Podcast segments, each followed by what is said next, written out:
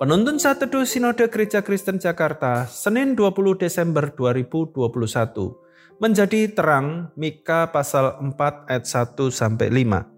Akan terjadi pada hari-hari yang terakhir, gunung rumah Tuhan akan berdiri tegak mengatasi gunung-gunung dan menjulang tinggi di atas bukit-bukit. Bangsa-bangsa akan berduyun-duyun ke sana dan banyak suku bangsa akan pergi serta berkata, "Mari, kita naik ke gunung Tuhan, ke rumah Allah Yakub, supaya Ia mengajar kita tentang jalan-jalannya dan supaya kita berjalan menempuhnya, sebab dari Sion akan keluar pengajaran dan firman Tuhan dari Yerusalem.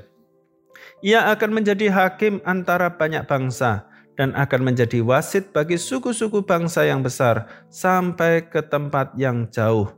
Mereka akan menempa pedang-pedangnya menjadi mata bajak dan tombak-tombaknya menjadi pisau pemangkas. Bangsa tidak akan lagi mengangkat pedang terhadap bangsa, dan mereka tidak akan lagi belajar perang. Tetapi mereka masing-masing akan duduk di bawah pohon anggurnya dan di bawah pohon aranya, dengan tidak ada yang mengejutkan, sebab mulut Tuhan semesta alam yang mengatakannya. Biarlah segala bangsa berjalan masing-masing demi nama Allahnya, tetapi kita akan berjalan demi nama Tuhan Allah kita untuk selamanya dan seterusnya. Di kota Madiun ada tempat wisata bernama Gong Perdamaian. Tempat wisata itu dibangun untuk menunjukkan bahwa masyarakat Madiun hidup dengan cinta damai.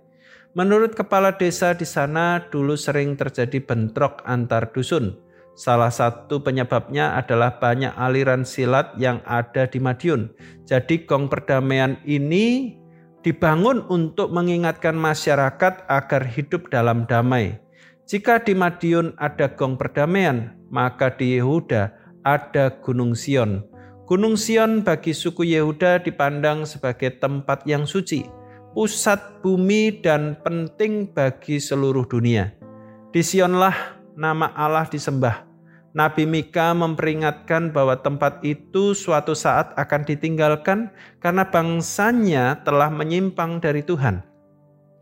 Mereka akan ditawan dan dibuang ke tengah bangsa-bangsa yang lain.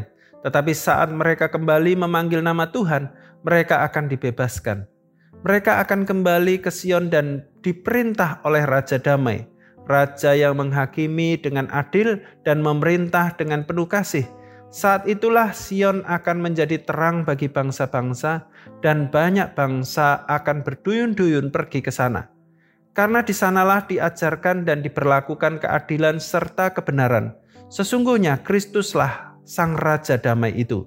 Ia telah datang ke dunia ini Barang siapa membiarkan Kristus memerintah di hatinya, maka ia akan merasakan kedamaian yang sejati.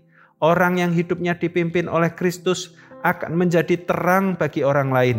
Ia akan dipakai oleh Tuhan untuk membawa orang lain datang kepada Allah. Sekarang kita hidup di tengah-tengah dunia, di mana kejahatan dan ketidakadilan dipertontonkan. Bangsa melawan bangsa, sesama manusia saling membunuh dan menyakiti. Sebagai orang percaya, kita diajak untuk menjadi terang bagi dunia ini, sebab Raja Damai itu telah bersemayam dalam hati kita. Tebarkanlah kedamaian, kasih, kebenaran, agar mereka yang hidup dalam kegelapan memandang kepada terang yang ajaib. Hiduplah dalam terang Allah dan menjadi terang bagi yang belum mengenal Allah, sehingga mereka datang kepadanya. Tuhan Yesus memberkati.